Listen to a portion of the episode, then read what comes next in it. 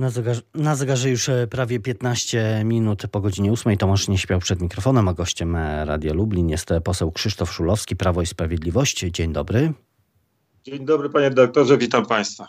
E, kolejną odsłonę politycznego sporu o szpitale tymczasowe mieliśmy wczoraj w całym kraju, także w Lublinie.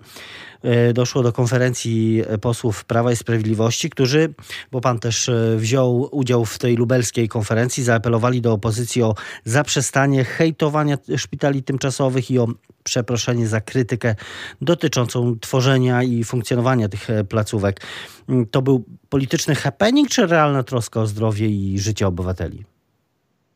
My się nie zajmujemy błahymi sprawami, nieważnymi. To jest kwestia szpitali tymczasowych to jest ważny, ważny temat. Y, one nie powstały przypadkowo. Przypomnę, że jesienią mieliśmy drugą falę pandemii, która pokazała, że istnieje zagrożenie dla naszego systemu zdrowotnego, czyli po prostu, że może dojść do sytuacji, kiedy zabraknie miejsc covidowych, miejsc w szpitalach dla ludzi, dla osób zakażonych.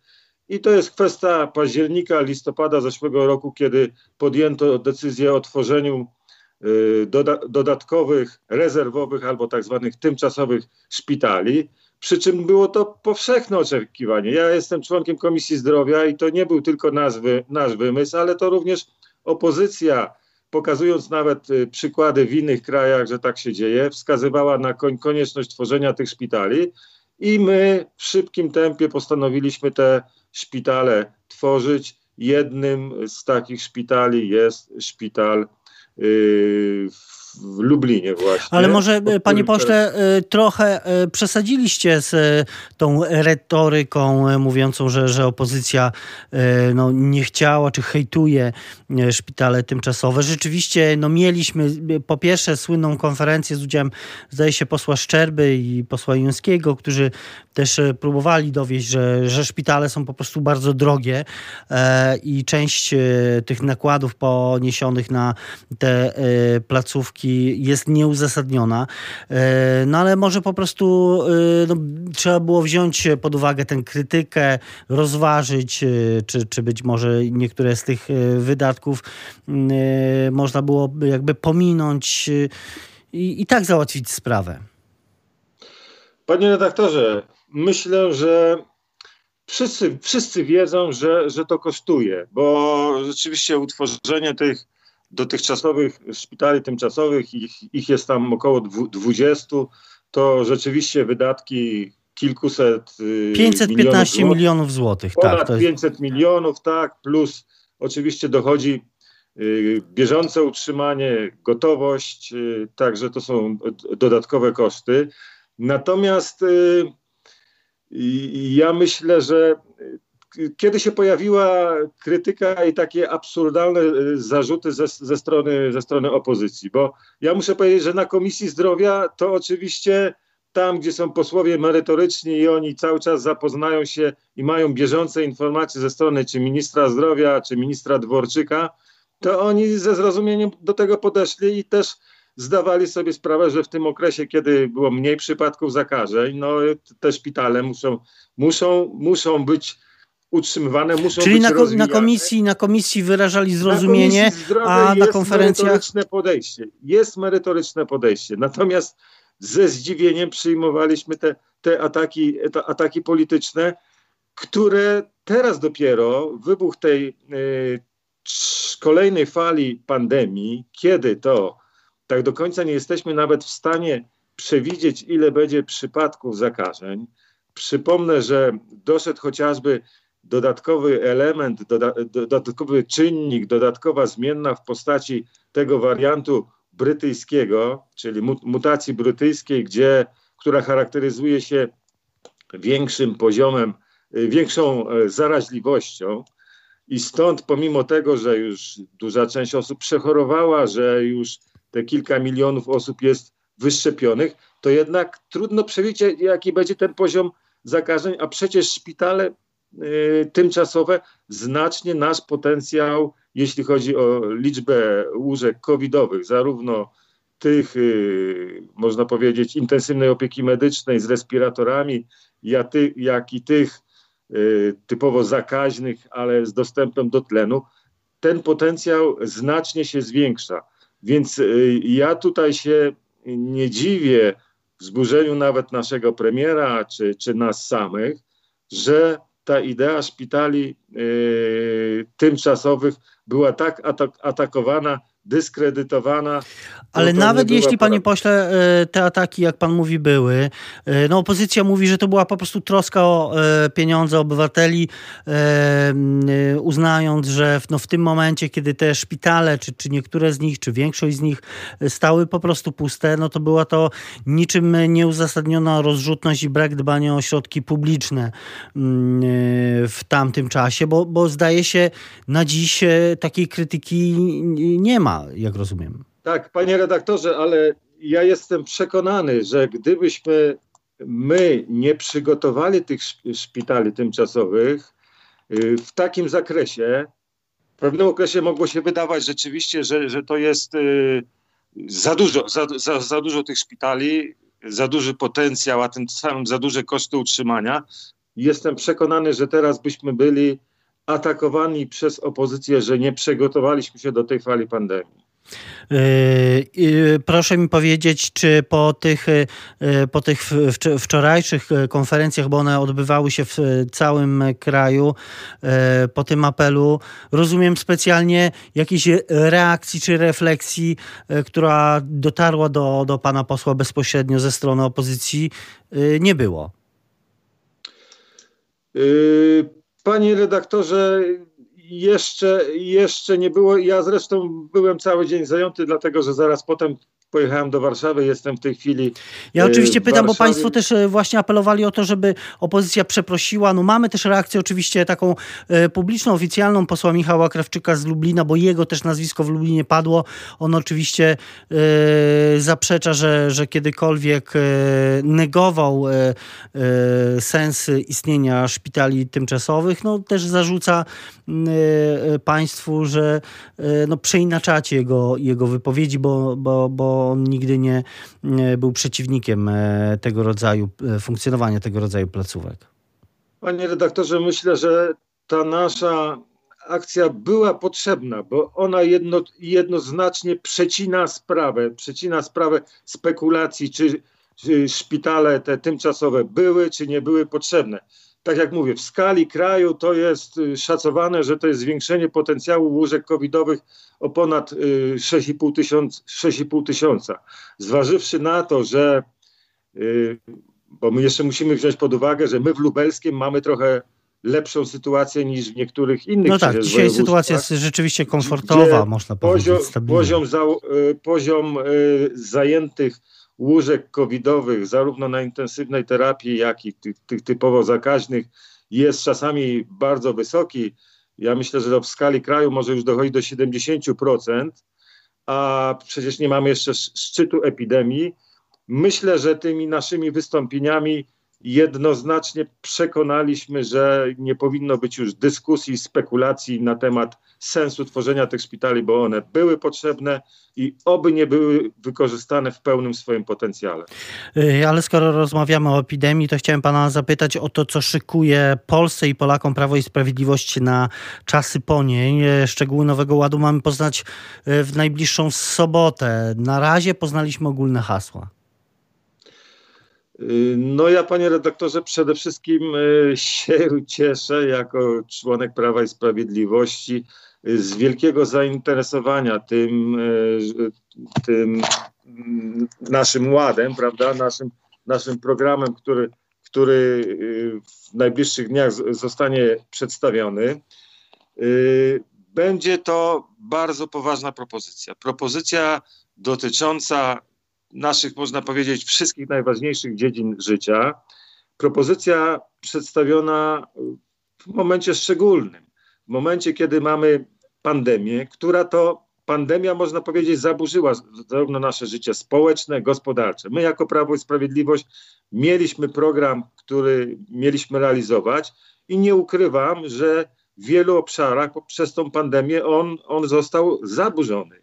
Natomiast y, zakładamy, że już wkrótce z tą pandemią sobie poradzimy i będziemy, i będzie świat po pandemii.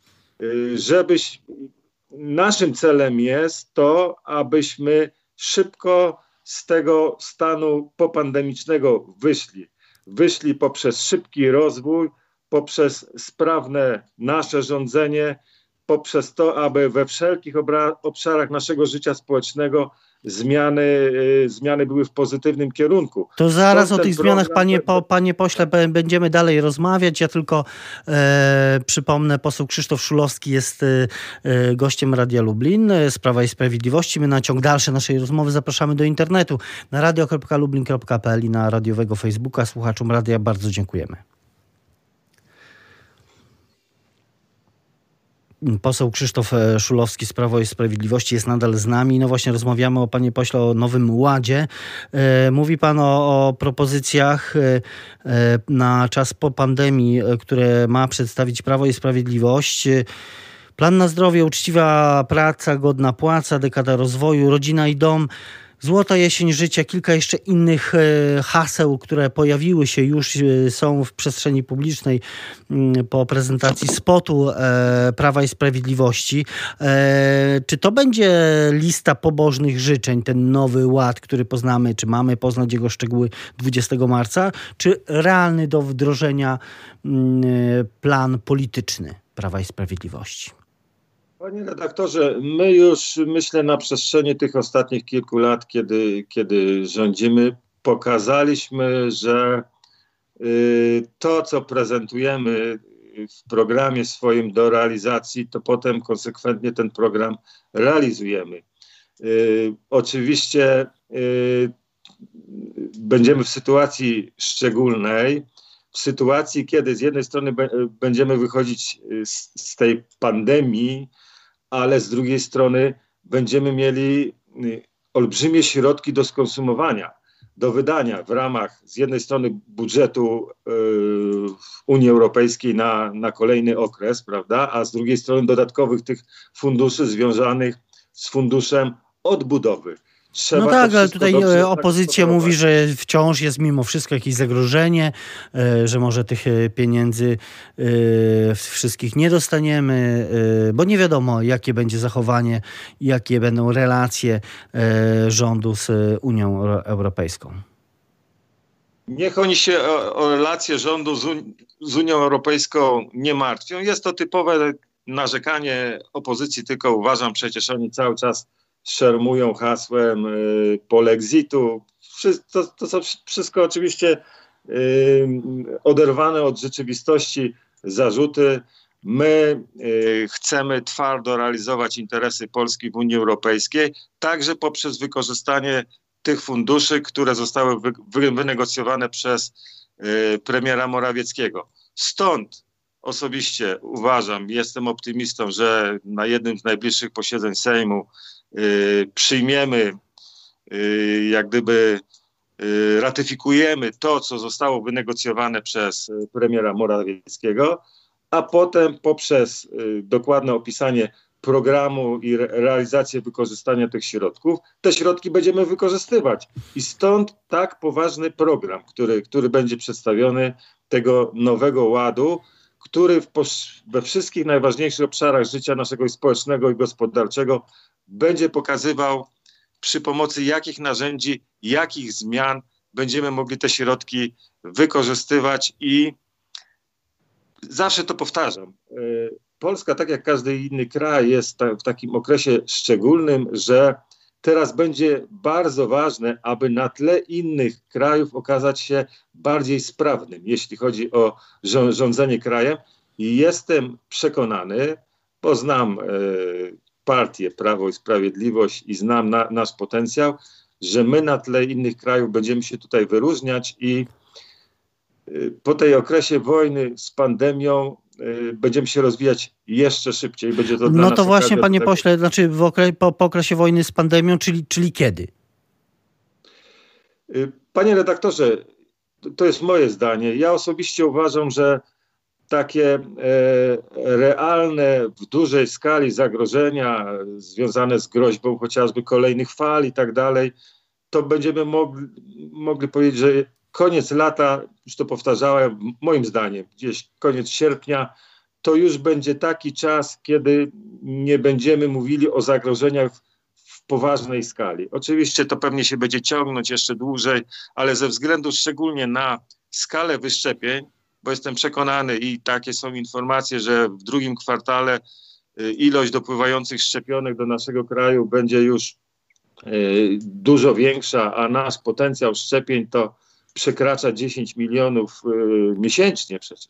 Więc będziemy już w takim czasie, kiedy nasze bezpieczeństwo zdrowotne będzie już Czyli rozumiem, panie pośle, że ten nowy ład, ten plan będzie wdrażany, no właśnie, jeszcze w 2021 roku, czy to już jest e, plan na 2022, a może 2023?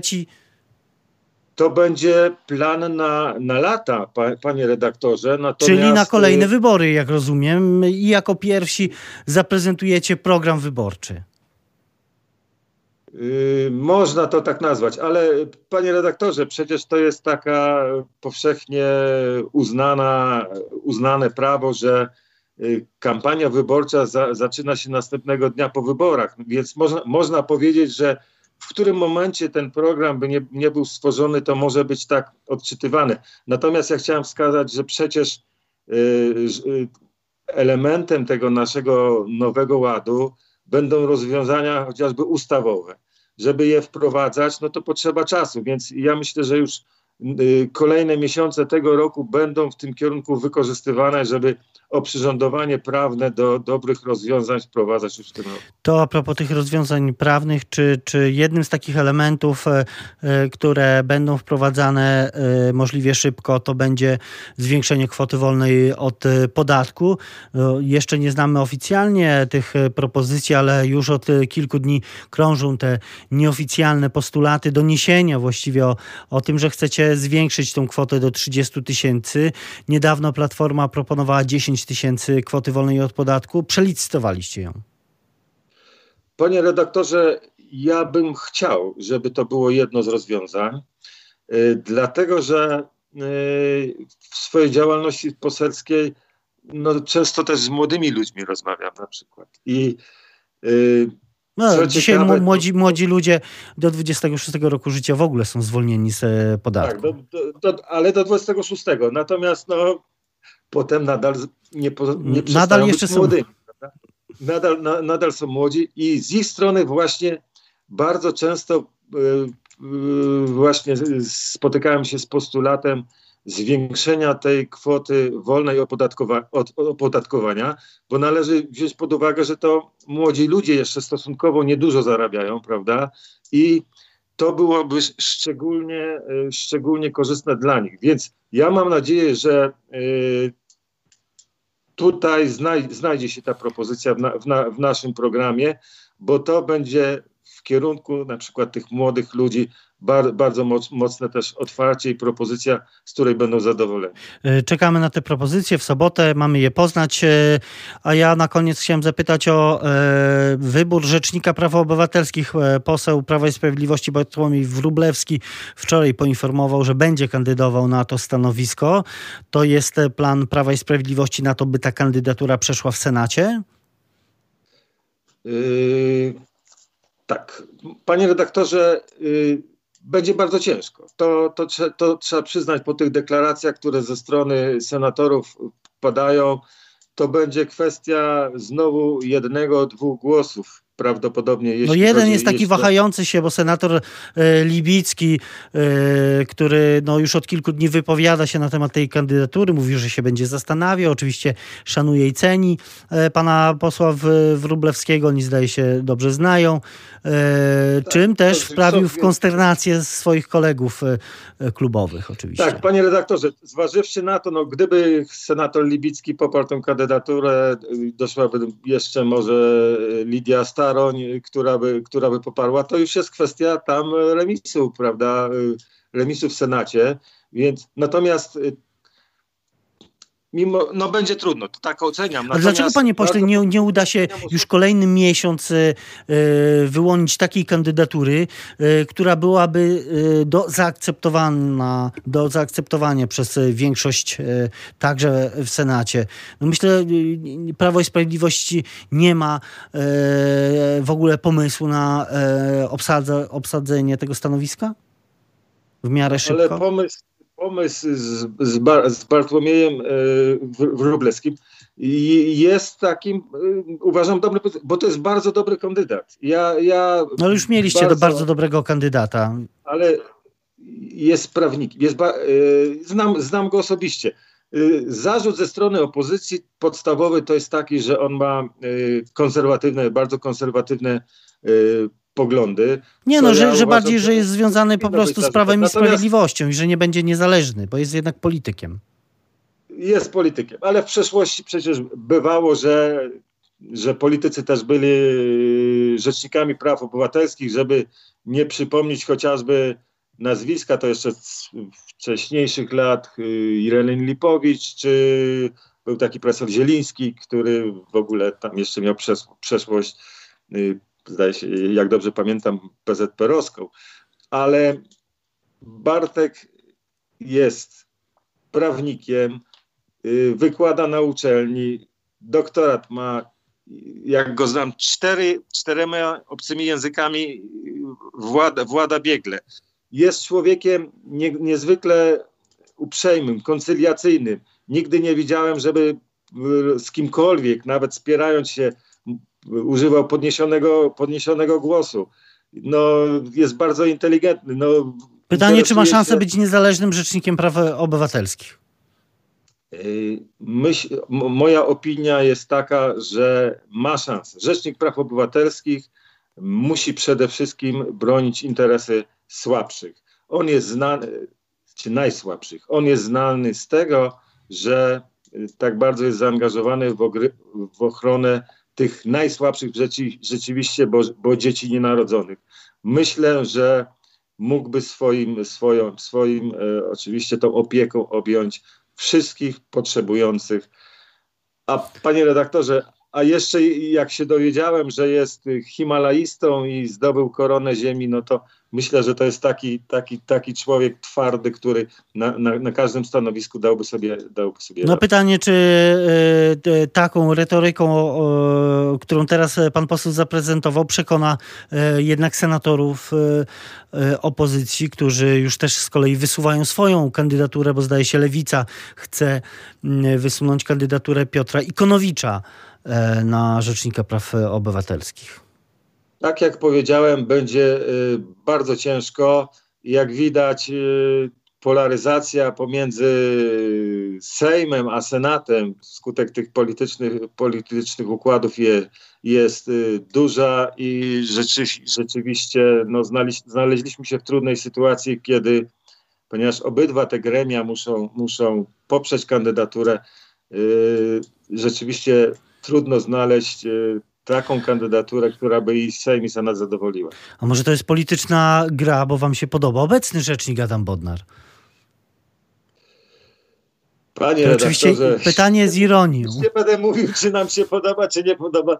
Skłamałbym, jakbym powiedział, że, że, że, że, mi się po, podoba ze względu na, na wprost powiem, ten ideologiczny przechył i, to, to, to widać. I, i A może dobrze, że na takim stanowisku jest osoba, która e, ma zupełnie inne poglądy, kieruje się innymi e, e, argumentami, prezentuje inną postawę e, i jest e, takim realnym strażnikiem e, praw obywatelskich Polaków. Tak, ale zapytał mnie pan, panie redaktorze, czy nasz kandydat mógłby być strażnikiem wszystkich środowisk i wszystkich tych, tych, tych słabych, że tak powiem, osób. I jestem przekonany, że mógłby to robić. Natomiast praktyka, y, to co pokazuje dotychczasowy Rzecznik Praw Obywatelskich, y, wskazuje, że on tylko zajmuje się pewnymi, pewnymi środowiskami i pewnymi tematami, a, a innych y, unika. I powiem, bardzo dobrze obrazuje to, jaki, jaki był nasz rzecznik, całe biuro rzecznika, no jak potrafił wychować taką osobę jak pani y, Spurek, która jest teraz w Parlamencie Europejskim i te swoje pomysły y, oderwane od rzeczywistości, nieziemskie prezentuje, no to nie, nie, mo, nie mogę wystawić dobrej laurki dotychczasowemu, y, do, do, dotychczasowemu yy, Rzecznikowi Praw Obywatelskich. Jak ta sprawa się skończy, będziemy oczywiście do tego wracać, a tymczasem bardzo dziękuję. Poseł Krzysztof Szulowski, Prawo i Sprawiedliwość. Dziękuję bardzo za rozmowę. Dziękuję panie doktorze. Do widzenia.